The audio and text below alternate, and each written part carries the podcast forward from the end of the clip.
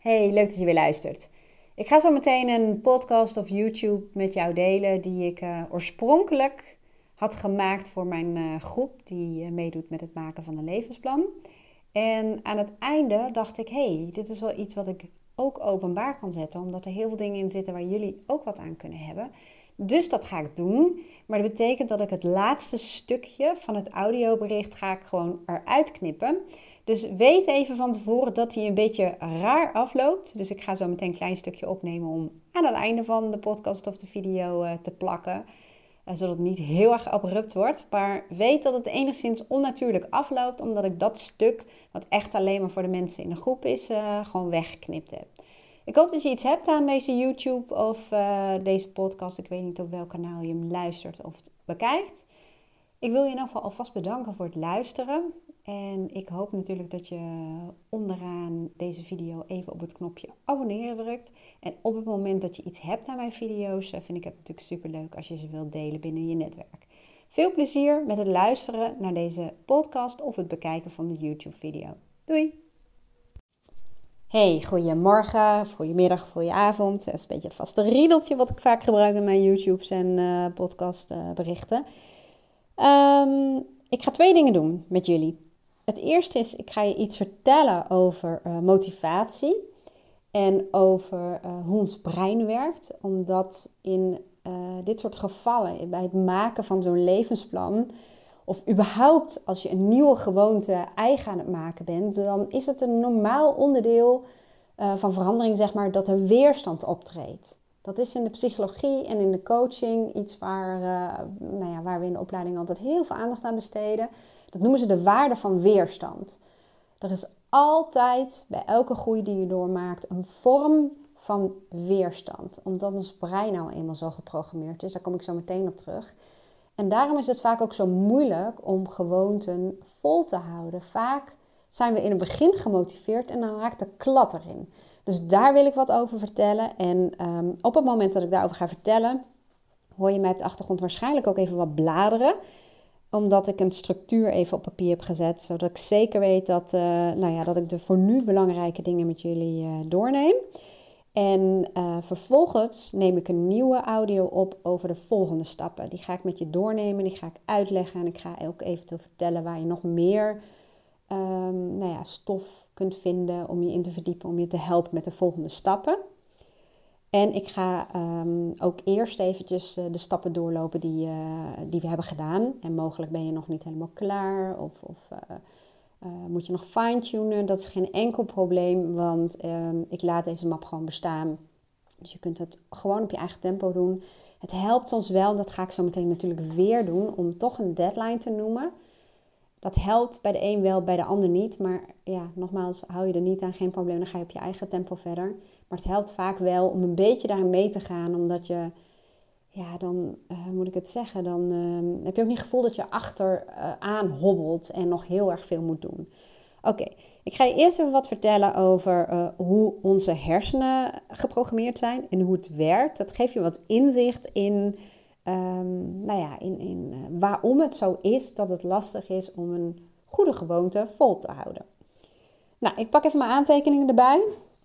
Um, nou, onze hersenen zijn kortweg opgedeeld in twee um, onderdelen. Dat is heel plat gezegd, hè? want als je het, het brein zou gaan bekijken, dan, uh, dan heb je natuurlijk verschillende uh, delen van het brein, het emotionele brein, uh, het primitieve brein, de, nou ja, neocortex, dat soort dingen. Maar dat laat ik eventjes allemaal achterwege. Ik ga het even opdelen in twee onderdelen en met heel veel van jullie heb ik dit ook al eerder gedaan. Je kunt het brein dus opdelen in een onbewust deel en een bewust deel.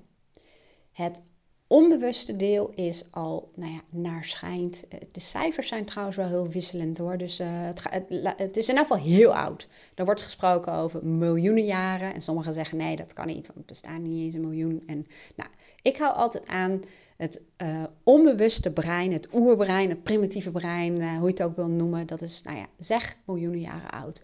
In elk geval is het um, zo oud en het is eigenlijk geprogrammeerd om te overleven in een tijd waarin we jagers-verzamelaars waren. In een tijd waarin wij in een gemeenschap leefden met voornamelijk verwanten, of ieder geval bekenden van ons. Dus ehm, we hadden allemaal een bepaalde uh, ja, plek in de gemeenschap. En vaak uh, deed je wat je kon of droeg je bij op basis van je kwaliteiten, van de bepaalde persoonlijke eigenschappen, maar ook op basis van leeftijd en geslacht en noem het allemaal wat. Dus we hadden allemaal veel meer het gevoel van dat we een plek hadden in een gemeenschap. En ja, daar werd ook al heel erg uh, soms gevochten om een bepaalde positie. Hè? Want uh, neem ik even de mannen. Als je op een gegeven moment een bepaalde status in de groep had, bijvoorbeeld op basis van je uh, fysieke kenmerken, dat je sterk was of dat je strategisch sterk was, dan had je gewoon meer kans op voortplanting. Dus je had gewoon meer kans op seks. En vaak ook met meer vrouwen. Dus de kans om je voor te planten werd daardoor groter. Dus dat is ook iets wat in onze hersenen zit en wat je hier nog steeds ziet. Zelfs in onze westerse wereld. En uh, dat hele showtje gaat gewoon door, maar hier draagt ze dan een pak en een, drop, een stroptas, zeg maar. Een droptas, dat klinkt ook wel heel erg boeiend. Anyway, even terug naar, die, uh, naar dat onbewuste brein. Um, dat oerbrein van ons, dat is dus ontworpen om uh, in die tijd te overleven. En dat is eigenlijk niet geëvalueerd. Dat is ook geen denkend brein, dat is eigenlijk een ja, automatisch piloot. Dat is jouw automatisch piloot, dat is een programma wat draait.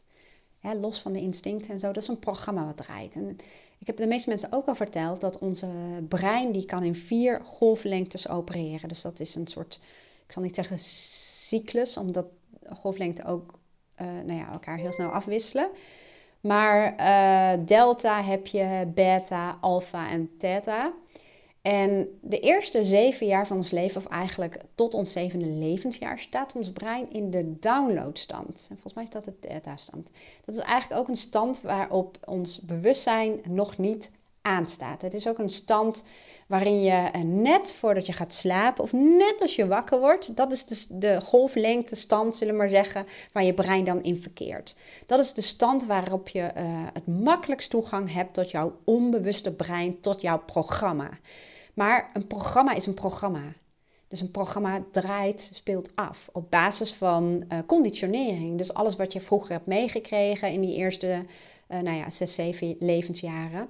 Dat is een soort van blauwdruk. En die is natuurlijk wel veranderlijk door de ervaringen die je opdoet. Maar daar zitten je angsten, je overtuigingen, je paradigma's. Dus de wijze waarop je naar de wereld kijkt, jouw waarheden. Bijvoorbeeld ook um, geld is een makkelijk voorbeeld om te noemen. Want uh, stel dat jij in je jeugd hebt gehoord: het uh, geld groeit hier niet aan de boom. Of als je voor een dubbeltje bent geboren, kun je nooit een kwartje worden. Dus als dat heel vaak wordt gezegd en als er allerlei voorbeelden van te zien zijn in jouw directe omgeving, dan wordt dat een soort van waarheid. En dan zul je zien dat als dat programma niet veranderd wordt, dat jij bijvoorbeeld als ondernemer op een gegeven moment een stagnatie hebt in je, omzet. En dat is vaak een, een kwestie van mindset, omdat ons brein ook geprogrammeerd is om, um, ja, moet ik dat nou zeggen? Om het bij het vertrouwde te houden. Hè? En, en uh, die wil jou continu terugbrengen naar een bepaalde waarheid, zoals jij ingeprogrammeerd bent, om het zo te zeggen.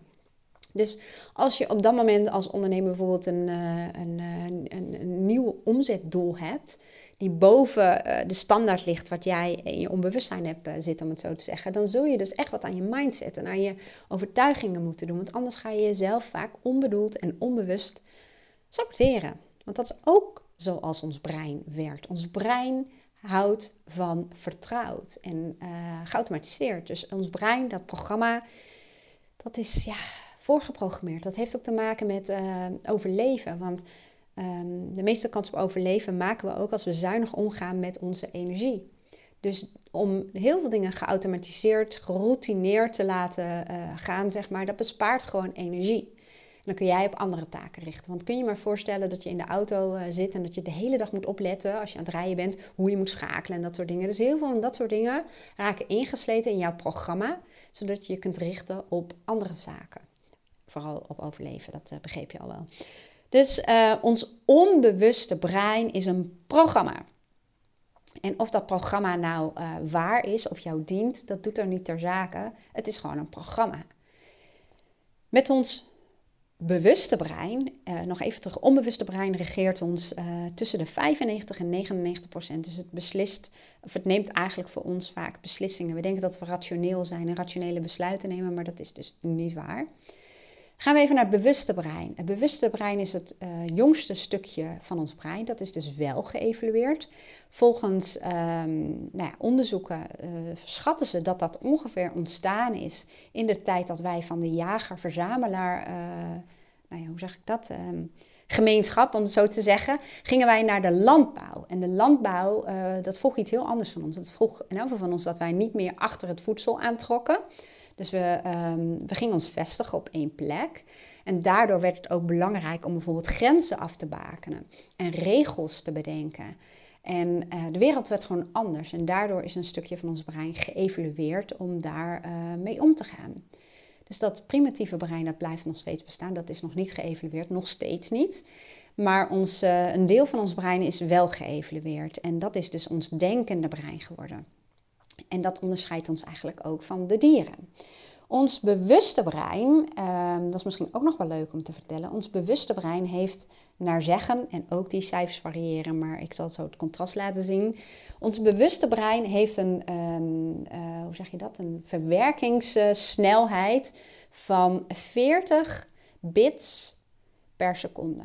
Dus die kan ongeveer 40 bits per seconde verwerken. Ons onbewuste brein daarentegen, dus ook uh, nou ja, het zintuigelijke stuk zou ik ook kunnen zeggen, die verwerkt met een snelheid van uh, eh, 40 miljoen bits per seconde. En dat zie je ook wel. Een voorbeeld daarvan is bijvoorbeeld, stel je staat op een feestje en je bent met, een, uh, met iemand aan het praten. Ergens op de achtergrond registreert jouw onbewuste brein ook de gesprekken om jou heen. En waarom merk je dat op een gegeven moment? Omdat je bent met je gesprekspartner aan het praten. Je registreert dus onbewust ook de gesprekken van uh, andere mensen. En in één keer wordt ergens je naam genoemd. Dat is een trigger om jouw bewuste brein uh, daarop te richten. Dus in één keer hoor je jouw naam en dan word je afgeleid en dan ga je naar dat gesprek. Dus dat is al een voorbeeld waarop jouw onbewuste brein als een soort van uh, achtergrond, ja, moet ik het zeggen, achtergrondprogrammaatje draait. En op het moment dat er iets is wat ogenschijnlijk voor jou relevant is, boem, dan is er een trigger. Stel dat um, je bij mij in de coaching bent, dan ben je met je bewustzijn bij het gesprek. Maar stel dat ik ook de radio op de achtergrond aan zou hebben, dan zou jij uh, je onbewuste brein neemt dat mee. En die wordt dan getriggerd door iets wat voor jou relevant is. Een ander voorbeeld kan ik ook geven. Namelijk, um, stel jij komt eh, vanavond thuis en uh, je bent aan bellen, je doet de deur open en je bent aan bellen en je legt je sleutels ergens neer. Jouw onbewuste brein weet waar je de sleutels neer hebt gelegd, omdat jouw hand gestuurd is. Sterker nog, stel als je sleutels gevallen zouden zijn, dan neemt nog steeds je uh, onbewuste brein dat waar. Hè? Je hoort het. Uh, dus er wordt, het wordt geregistreerd waar jij die sleutels ofwel laat vallen ofwel neerlegt. En vaak zie je dus dat je, bij je met je bewustzijn ben je bij het gesprek en de volgende ochtend denk je, shit, mijn sleutels zijn weg. Wat wij vaak doen is we zeggen, ik ga mijn sleutels zoeken, maar ons brein neemt dingen letterlijk, dus die gaat zoeken. Zoeken is een activiteit. Als jij meer gebruik wil maken van jouw onbewuste brein, vanuit je bewuste brein, dan moet je het dus ook heel erg uh, specifiek instrueren. En als je dus zou zeggen, ik ga nu mijn sleutels pakken, dan is de kans veel en veel groter dat je naar de plek toe loopt waar je sleutels liggen. Voorwaarde is natuurlijk wel dat jij dat hebt gedaan of dat jij het in geval geregistreerd hebt. Ik kan een voorbeeld noemen van, als we dan toch bij de sleutels blijven, van uh, mijn eigen uh, coach. En die was uh, ooit toen bij het kadaster werkte, ons team aan het coachen. En toen zei ze, ben mijn sleutels kwijt. Ze zegt, ik heb het hele huis op de kop gezet, samen met mijn vriend en we hebben het niet gevonden. Ik zeg, wil je dan straks naar huis gaan en tegen jezelf zeggen, ik ga nu mijn sleutels pakken? Ja, zegt ze, oké. Maar ze keek me een beetje ongelovig aan. En op een gegeven moment belt ze me op s'avonds. Zegt ze, echt waar. Echt, echt, het is echt bizar. Ze zegt, ik liep, de, de, uh, ik liep uh, naar binnen en ik loop zo naar laars. En daar liggen mijn sleutels in de laars. Ja, voor mij is het volkomen logisch, omdat die sleutels zijn hoogstwaarschijnlijk uit haar zak gevallen. Of misschien heeft ze ze in haar zak willen doen. Whatever. Sleutels zijn in die laars gevallen. Maar haar onbewuste brein heeft dat geregistreerd. Want die hoort dat vallen en die hoort de locatie daarvan ook. Dus um, Klein voorbeeld, maar uh, dat is eigenlijk de manier om uh, je bewuste brein en je onbewuste brein gewoon te gebruiken. Ik probeer even terug te gaan naar waar ik gebleven was ten aanzien van de verschillen tussen die twee. Even denken, wat zijn nog meer verschillen? Ja, het onbewuste brein, daar zit ook je, daar zit je angstsysteem, um, daar zitten je nou, overtuigingen, had ik al verteld, hè, paradigma's, um, nou, je geloof en dat soort dingen. En je bewuste brein gebruiken we tussen de 1 tot 5 procent per dag. We hebben ook ongeveer 1000 bewuste gedachten per dag en 60 tot 70.000 onbewuste gedachten. Dus onbewuste gedachten zijn vaak gedachten die de hele tijd uh, rondzingen in je hoofd. Soms ben je er bewust van en soms niet. Uh, het is van alles. Het zijn, het zijn dingen, ergens iets van vinden, jezelf straffen, schuldgevoelens. Daar zit eigenlijk ook je persoonlijkheid, komen later wel op. Dat zijn gewoon gedachten die de hele door je hoofd heen buitelen. Hè? Dus de reactieve gedachten ook vaak. En in je, eh, met je bewuste brein um, heb je ongeveer, denk je ongeveer duizend bewuste gedachten. En dat zijn bijvoorbeeld dingen zoals, stel dat je kinderen hebt en ze moeten vanavond naar de hockey. Of, eh, of zeg over een paar dagen. En je overlegt met je partner van, oh, ze moeten dan naar de hockey. Hoe gaan we dat doen? Ga jij boodschappen doen of ik? Of wat zullen we dan eten? Hoe laat? Dus dan moet, je moet nadenken. Dus dat is het bewuste uh, brein aan het werk. Dus um, je onbewuste brein is het programma en het bewuste brein is de programmeur. De programmeur, dus uh, je wensen, verlangens, uh, plannen maken, dat doe je allemaal met je bewuste brein. Nou is het zo dat ons brein in uh, de gewone toestand, hè, zo, wat ik net schetste met die duizend gedachten bewust en 60, 70.000 onbewust, kost ons brein ongeveer, of verbruikt ons brein ongeveer 20% van onze totale energie op een dag die we tot onze beschikking hebben. Dat is best heel veel. Dus je kunt je voorstellen dat uh, nou ja, ons brein is, wat ik al vertelde, geprogrammeerd om te overleven. Dat die ook probeert zo zuinig mogelijk om te gaan met de energie. Dus dat het vaak voor je brein niet wenselijk is dat jij heel erg veel met je bewuste brein bezig bent. En dat uit zich ook heel vaak in weerstand in het lichaam. Als mensen heel veel bewust bezig zijn, dan uh, nou, zie je vaak dat mensen koppijn krijgen. Of het even niet meer weten, of vastlopen. Of nou ja, dat soort dingen. Dus het heeft daar alles mee te maken hoe je brein geprogrammeerd is.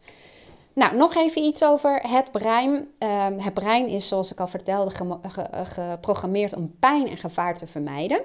Dat is primair. Secundair is het brein geprogrammeerd om plezier te hebben. En ja, plezier is ook weer gelinkt aan uh, voortplanten. Dat snap je. Goed, dus um, eigenlijk zijn er twee neuroassociaties, dus linkjes met het brein. Pijn en plezier. Dus neem die twee maar even, of onthoud die, want die zijn heel belangrijk. En die ga je ook in alle ja, uh, moet ik het zeggen, artikelen over NLP of coaching zul je die wel tegenkomen, psychologie. Pijn- en plezierlijntjes. Nou, ons brein die uh, bouwt een soort database op in de loop der jaren, waarin een database is met pijnlijke, gevaarlijke situaties en pleziersituaties, om het zo te zeggen. Dus uh, dat bouwt hij op aan de hand van ervaringen, maar dat niet alleen, ook aan de hand van dingen die tegen ons verteld worden. Van zo werkt het in de wereld, of dat is gevaarlijk, daar moet je voorzichtig mee zijn, of dat is plezierig. En marketing, onderschat marketing niet, want ons brein is van origine ook uh, geprogrammeerd, uh, ja, of nee, is geprogrammeerd dus om, om, nou ja, om te overleven. En ons brein is ingesteld op schaarste en tekort dat hoort nog steeds bij die tijd waarin we jagers-verzamelaars waren. Dus ons brein is ingesteld op schaarste en tekort in een wereld van overvloed. Nou speelt de marketing daar enorm goed op in. Ten eerste is bijvoorbeeld uh, zoet iets wat ons, um, als je dat uit de natuur haalt, energie geeft en eventueel wat reserves. Alleen zoet is over het algemeen niet um, in overvloed aanwezig in de natuur. En zeker niet in elk seizoen. Dus ons brein is geprogrammeerd dat als er zoet is, dan zoveel mogelijk um, inslaan. Want er komen tijden aan waarin zoet minder beschikbaar is. En zoet staat ook uh, symbool voor uh, energie. Dus nou ja. Um, schaarste en tekort vertelde ik al. En ik vertelde ook over marketing. Marketing speelt daar ongelooflijk goed op in. Marketing, de meeste marketing is echt gericht op jouw triggeren, op jouw schaarste en tekort uh, gevoelens. En dat niet alleen. Um, ons brein is ook geprogrammeerd om, ehm, ja, om erbij te willen horen. Want we maken de meeste overlevingskansen in een groep. Als onderdeel uitmaken van een bepaalde gemeenschap. Daarom is het zo belangrijk voor ons om erbij te horen, om niet afgewezen te worden. En daarom is het zo uh, belangrijk voor ons om kritiek zoveel mogelijk te vermijden. En daarom vinden we het zo belangrijk om ja, nog eens erbij te willen horen. En um, vroeger hadden we bijvoorbeeld in een gemeenschap, dus ik ga even uit van vrouwen, had je een paar vrouwen, eh, er waren er misschien een paar gewoon super knap. Er waren er een paar die heel slim waren en een paar die heel goed waren in zorgen. Er waren er een paar die sociaal sterk waren. Maar je had een bepaald referentiekader en dat was, uh, nou ja, vrij klein om het zo te zeggen. Dus je wist heel goed wie je, wie je, wie je was.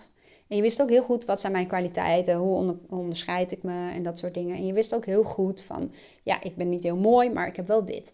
Alleen nu is ons referentiekader uh, echt enorm. Het is onuitputtelijk. Want we hoeven maar op Instagram te gaan of de televisie aan te zetten. En de een na de andere knappe, strakke, jonge, mooie vrouw is op televisie te zien. En de een is blond en de ander is donker. De een heeft donkere wenkbrauwen, de ander weer lichte wenkbrauwen. De een heeft deze make-up op, de ander heeft die make-up op. Dus ons referentiesysteem is echt... Ja, onuitputtelijk. Gewoon, en daarom raken heel veel vrouwen ook continu in die zin van slag. Want dan hebben ze bijvoorbeeld iets aan hun uiterlijk veranderd. Een andere haarkleur of andere make-up of andere kleren.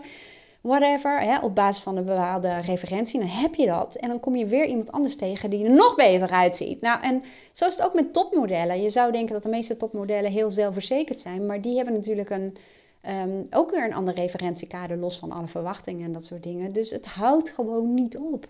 Dus dat is ook iets waar onze hersenen gewoon niet goed mee om kunnen gaan. En dat geldt ook voor mannen, maar die hebben over het algemeen weer andere referentiekaders dan wij. Want dat is ook een stukje conditionering. Ga ik nu even niet op in. Heb ik wel een uh, podcast over opgenomen die ik uh, binnenkort op YouTube uh, voor je zal zetten. Uh, maar dat is even hoe het werkt. En nou probeer ik even terug te gaan met mijn eigen bewuste brein. Van waar was ik ook alweer gebleven? Want je ziet, het brein is vaak ook heel associatief. Hè? Dat komt ook uit mijn onbewuste brein. Dus ik heb dit opgeslagen. Ik heb wel wat blaadjes om op te schrijven. Um, uh, om de structuur. Dat ik even check van, oh, heb ik alles wel uh, gehad? Maar mijn brein is associatief. Dus die haalt uit mijn onbewustzijn allerlei dingen op. En die associeert dat met dat en dat en dat en dat en dat. En met mijn bewuste brein ga ik weer even terug naar: oké, oké, ik heb dat uit de database gehaald. Maar uh, wat is de lijn van mijn verhaal? En wat wil ik ook weer precies vertellen? Waar ben ik? Wat heb ik wel gezegd, wat niet? Dat doe je dus eigenlijk met je bewuste brein. Dus hier te plekken ben ik het eigenlijk al aan het uh, demonstreren. Oké, even terug. Ik was gebleven bij het referentiekader. En dat het, um, ja, dat wou ik zeggen. Want ik werd ergens door getriggerd en daardoor raak ik afgeleid. Nou, ik weet weer wat ik wilde zeggen. Er popt iets op eigenlijk uit mijn onbewustzijn en dat is een boekentip. Want um, heel veel van de dingen die ik hier vertel, die, uh, die haal ik uit allerlei bronnen en uit mijn opleiding en dat soort dingen. Maar ik heb laatst een boek gelezen wat dit gewoon zo goed weergeeft. Hoe ons brein is geprogrammeerd en hoe ons brein functioneert en soms helemaal niet goed functioneert in de huidige wereld. En dat boek heet Mismatch. Um, ik ga er niet heel veel meer over vertellen. Uh, kijk het zelf maar even. Het staat op mijn boekenlijst, wendyborst.nl slash boekenlijst. En ik zal even kijken of ik hem ook ergens, uh, uh, nou ja, weet ik veel waar, waar. Misschien op YouTube, als ik het op YouTube zet, dan zet ik het daaronder wel even. Mismatch, goed boek. Oké. Ik was gebleven bij um, referentiekader. Dus ik hoop dat je snapt hoe lastig dat is. Ik ga even terug naar, naar een stukje daarvoor. Even terugspoelen in mijn brein. En toen had ik het over marketing. Marketing, marketing is heel erg gericht op schaarste en tekort.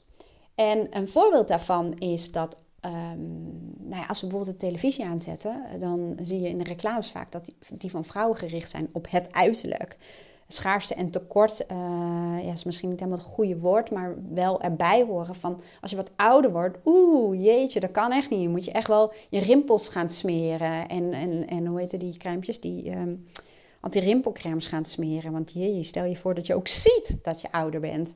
Uh, er wordt ook continu verteld dat we heel slank moeten zijn. Um, er wordt continu verteld dat we uh, ik weet niet, 30.000 ballen tegelijkertijd in de lucht moeten houden. Maar dat we er nog altijd goed uit moeten zien. En die wallen, ja, daar heb je ook weer crèmes voor. En als het echt allemaal niet meer lukt, nou, dan heb je altijd reclames van de klinieken. Wandel je daar gewoon even binnen en dan laat je de hele handen plat spuiten. Ik noem maar even wat. Um, dit is natuurlijk ook een beetje gekleurd om mijn mening daarover. Maar goed, dat terzijde. Um, marketing. Marketing bijvoorbeeld M&M's. Waarom zijn die dingen altijd in zoveel kleurtjes in een zak? Expres. Want ons brein ziet een soort van variatie. Dus al die kleurtjes zorgen ervoor dat we meer gaan eten. Dus denk daar maar eens over na. Stop je bijvoorbeeld één kleur in de zak, dat hebben ze volgens mij thematisch wel een keer gedaan, gaan we er minder van eten. We worden ook hebberig vaak van, uh, van die uh, all-you-can-eat concepten. Zelfde ding, zijn gewoon je hersenen, die zijn gewoon zo geprogrammeerd. Even kijken, wat nog meer? Uh, op is op, vol is vol. Er zijn nog maar drie plekken beschikbaar. Kijk maar eens op van die reissites. 31 andere mensen bekijken nu deze kamer. Of hè, nou, dat. Dat is allemaal marketing gericht op hoe ons brein werkt. En het is ook effectief. Want zo worden we verleid. En ook al denken we heel rationeel te zijn, zo worden we continu verleid, verleid, verleid. Dus doe er een voordeel mee of niet. Wat ook grappig is, is dat, grappig, noem het maar grappig, dat um, bijvoorbeeld de combinaties zoet en zout komen niet van nature in de natuur voor. Het wordt wel gecombineerd. Er worden allerlei gekke uh, ja, stofjes in voeding gestopt waardoor het brein eigenlijk in de war raakt. Waarin het brein niet goed meer kan registreren wat voedzaam is en hoeveel dat dan is en wanneer je eigenlijk verzadigd bent. Kan ik heel lang verhaal houden. Ik vind het ook super interessant allemaal. Je wordt gewoon echt nou ja, genept waar je bij staat. En het werkt. Zo werkt dat nou eenmaal. En bij mij ook, hè? want ik ben me er heel veel van bewust. Dus heel veel dingen die werken bij mij gewoon niet meer, omdat ik me daarvan bewust ben en omdat het inmiddels uh, zo verankerd is dat het ook in mijn onbewustzijn zit. Maar ehm, als ik wat minder oplet of moe ben of uh, weet ik veel, uh, ja, moe of hongerig ben, dan reageer ik meer vanuit mijn uh, primitieve brein. En dan zie je dat ik meer verleid word om bepaalde dingen wel te doen. Bijvoorbeeld snacken of zoet, ook al weet ik hoe het werkt. Even kijken of ik dan alles heb gezegd over um, marketing. Nee, ik heb zeker niet alles gezegd over marketing. Maar ja, een video van zes uur, daar zit je vast niet op te wachten. Goed, ik ga even verder met um, het brein. Want ik vertelde jou dat het brein uh, neuroassociaties legt. Dus eigenlijk linkjes met pijn en plezier. Nou zal ik even wat vertellen over het levensplan. Het maken van zo'n levensplan, die situatie, dus maken van een levensplan, dus werken aan je levensplan, is gelinkt aan pijn en plezier. Mocht je merken um, dat je afhaakt of dat, je, uh, dat de klap erin komt, of uh, dat kan ook met sporten en zo zijn, schrijf dan eens op op een blaadje. Die doe je gewoon uh, door midden, zeg ik dat goed, verticaal. Zet je aan de ene kant pijn, aan de andere kant plezier. En schrijf je daarboven tijd maken voor het levensplan om aan te werken. En dan ga je eens even onderzoeken wat zijn jouw pijnneuroassociaties? Je pijnlinkjes, sorry. En bij pijn zou bij mij bijvoorbeeld kunnen eh, staan, kost tijd. Dus kost tijd. En als je doorgaat uh, graven, het kost tijd. Of het gaat ten koste van. Ja, het gaat ten koste van uh, tijd om te ontspannen. Het gaat ten koste van, uh, in mijn geval, tijd die ik niet kan, of de tijd die wel facturabel is, om het zo te zeggen. Het gaat ten koste van, nou dat, hè, dus de kostenkant. Dus wat zijn er meer lijntjes? Ja, een pijnlijntje is ook, je moet erover nadenken en dat is vermoeiend. Heel veel mensen zeggen ook, oh, dat vind ik een moeilijke vraag hoor, daar moet ik even voor gaan zitten. Als we dat deden was er niks aan de hand, maar we vermijden het. Dus we vermijden het. Dus alles wat je probeert te vermijden, bij wijze van spreken, zet je op de pijnkant. En het plezier, bijvoorbeeld als ik dit doe, dan investeer ik in, of dan weet ik zo meteen wat belangrijk is in mijn leven en dan kan ik mijn leven opnieuw gaan ordenen. Dat zijn dingen in de toekomst. En laat ons brein nou toevallig zo zijn geprogrammeerd dat het van dag tot dag leeft. Ja, ga maar weer terug naar de jager-verzamelaar tijd. Daar leefden we van dag tot dag. We zetten wel een aantal strategieën uit, maar feitelijk leefden we van dag tot dag. Dus heel lang in de toekomst kijken is typisch iets voor ons bewuste brein. Ja, dus investeren in de toekomst is iets van ons bewuste brein. Maar ja, ik vertelde je al, je draait op je programma. Dus dat bewustzijn, dat, ehm, dat kost moeite, het kost energie. En het schrijven van je levensplan, ermee bezig zijn. Je voelt hem al aankomen, dat, is, dat doe je met je bewuste brein. Ja, en dat kost energie. Dus uh, aan de linkerkant, pijnkant, kun je ook neerzetten, kost energie.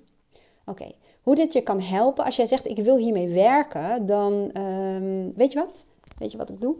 Even opschrijven, even een. Ik, ik zet wel even wat oefeningen voor, uh, voor je klaar. Even opschrijven voor pijn en plezier. Dan kun je jezelf mee gaan werken. En dan zet ik ook wel even wat, uh, even opschrijven, drijven. Dan zet ik ook wat informatie erover. Dus ga maar eens zo'n pijn-plezierlijstje maken. En dan is bijvoorbeeld de volgende stap om eens te kijken hoe rationeel die pijn-neuroassociaties zijn. En dan ga je kijken of je misschien wat dingen naar de plezierkant kunt verhuizen. En dat je die ook zwaar laat wegen. Nou is jezelf wat ontzeggen, dus ook ten aanzien van, uh, van eten, ongezond eten. Jezelf dat ontzeggen, dat heerlijke gevoel van comfort, dat heerlijke gevoel van zoet of zout in je mond. Um, ja, gezellig momentje. Hè? Snacken associëren we vaak ook met gezelligheid. We willen onszelf dat niet ontzeggen. Daarom is het pijnlijk om onszelf dat te ontzeggen. En het plezier op de lange termijn dat je je fitter gaat voelen, daar, daar heeft ons brein over het algemeen geen boodschap aan. Dus jezelf dingen ontzeggen, of dat nu tijd is uh, die je aan het levensplan besteedt, maar eigenlijk beter aan iets anders zou willen besteden, iets wat jou een beter gevoel geeft, of dat het een, een snackje is wat je uh, graag wilt en je brein wil, jezelf, wil jou dat niet ontzeggen.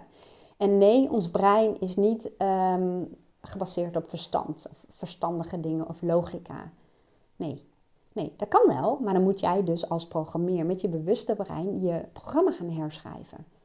Herschrijven is niet, daar kom ik ook nog wel een keertje door maar, op. Maar dan moet je dus eigenlijk je programma opnieuw, of nee, uh, veranderen eigenlijk. Door in jouw onbewustzijn, um, hoe moet ik het zeggen, nieuwe waarheden neer te zetten over eten. Zoals ik dat heb gedaan met snoep. Ik was echt een ontiegelijke snoepkont uh, jaren geleden. Echt niet normaal, stond er ook onbekend. Ik fietste toen naar huis en had ik gewoon twee snickers in mijn zak. En die gingen ook echt op. En mijn hele la zat vol met snoep. En toen hebben ze mij uitgedaagd om een week lang niet te snoepen.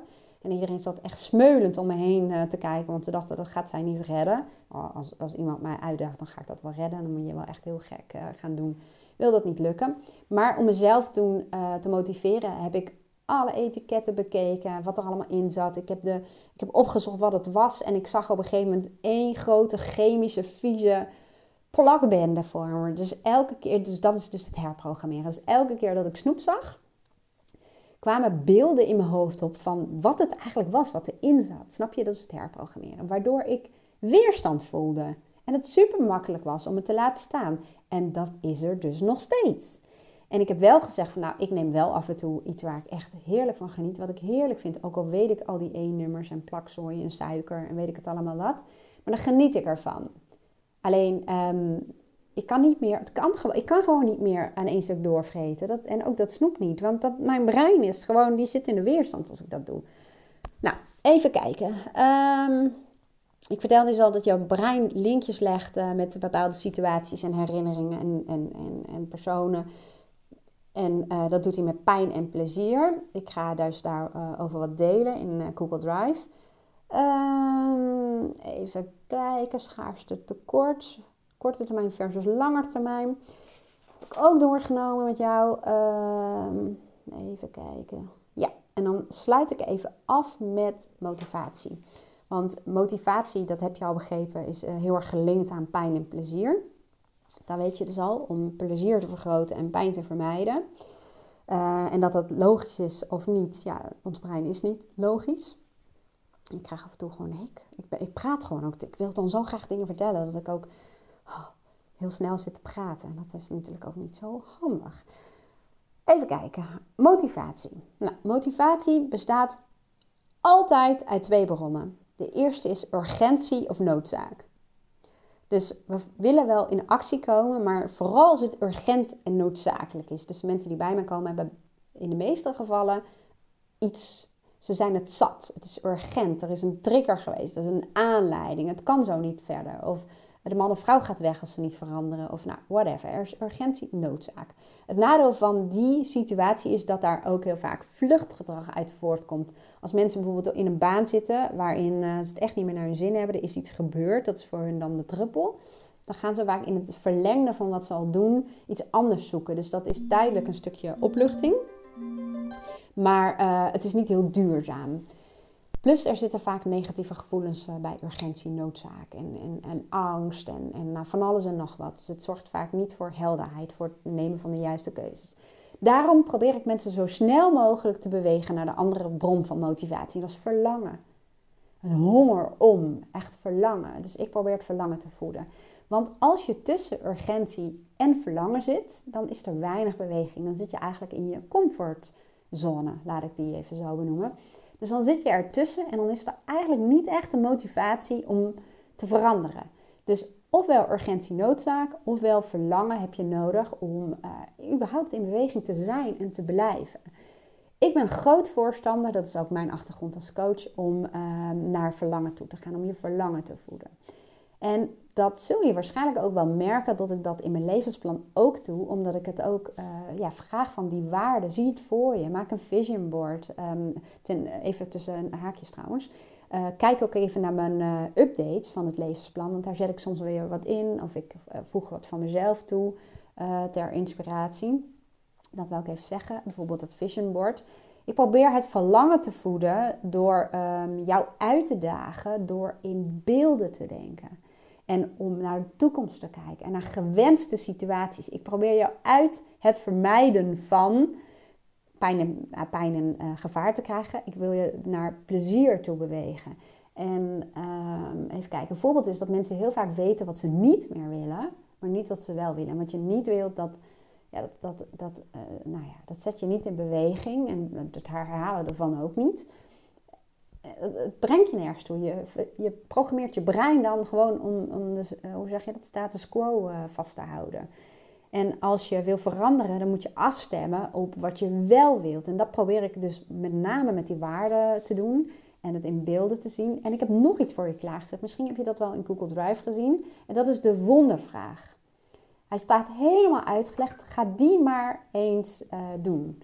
Want de wondervraag legt, als je hem goed doet, en ik heb uitgelegd eh, wat goed betekent. Bijvoorbeeld het vermijden van de woorden niet en geen. Als je het goed doet, dan legt het vaak ook al oplossingen bloot, maar ook jouw wensen en werkelijke verlangens. Dus ik probeer jou naar verlangen toe te bewegen. Omdat verlangen, als je dat voelt, dan heb je een soort intern motortje wat je aanzet. Dat is een intrinsieke motivatie. Je ziet ook vaak dat als mensen bijvoorbeeld zeggen, ik hoorde mezelf nog zeggen een jaar of elf geleden toen ik aan ontmoette oh, geen tijd. Ik zorgde alleen voor mijn dochter ook uh, financieel alleen. Ik had best wel een rijk sociaal leven. Ik was van alles en al wat aan het doen. En ik had druk, druk, druk, druk, druk, druk, druk, druk, druk, druk. En uh, nou, dat. Dus ik hoorde mezelf ook regelmatig zeggen, ja, daar heb ik geen tijd voor. En toen kwam Ayon in beeld en toen waren we hartstikke verliefd. Ja, en dan in één keer, door verlangen, krijg je toch wel elkaar om elkaar te zien. Omdat er gewoon verlangen is. Ze zeggen ook waar een wil is, is een weg en waar geen wil is, is een smoes of zo, geloof ik. Dus verlangen is echt de katalysator, de motor van alles. Dus ik ga je ook nog verder um, helpen om dat verlangen te voeden. Um, kijk even in uh, de update van, uh, van 3 september, want daar heb ik het volgens mij ook over uh, een vision board. Ja, en bij het vision board stopt deze YouTube of podcast, want daar gaat het verder voor de groep. Ik heb het in uh, de audio heb ik het ook over de wondervraag. Die heb ik wel ook voor jou klaargezet. Die kun je vinden op wendyborst.nl slash wondervraag. Als je hem daar even je gegevens achterlaat, dan krijg je van mij een, eh, een download met een hele uitleg hoe het werkt en wat formats uh, waar je in kan werken. Dus dan kun jij er zelf ook mee aan de slag. Mocht je nou graag een plekje in de groep willen hebben of ook gewoon graag meedoen met het maken van het levensplan dan zou ik zeggen, ga even naar wendyborst.nl slash contact en zoek daar even mijn telefoonnummer op en stuur me dan een appje of stuur me een e-mail. Dan ga ik even kijken uh, hoe dat uh, het best zou passen en dan doe ik je even een voorstel. Dankjewel voor het kijken en luisteren en ik wens je een hele fijne dag. Tot de volgende keer.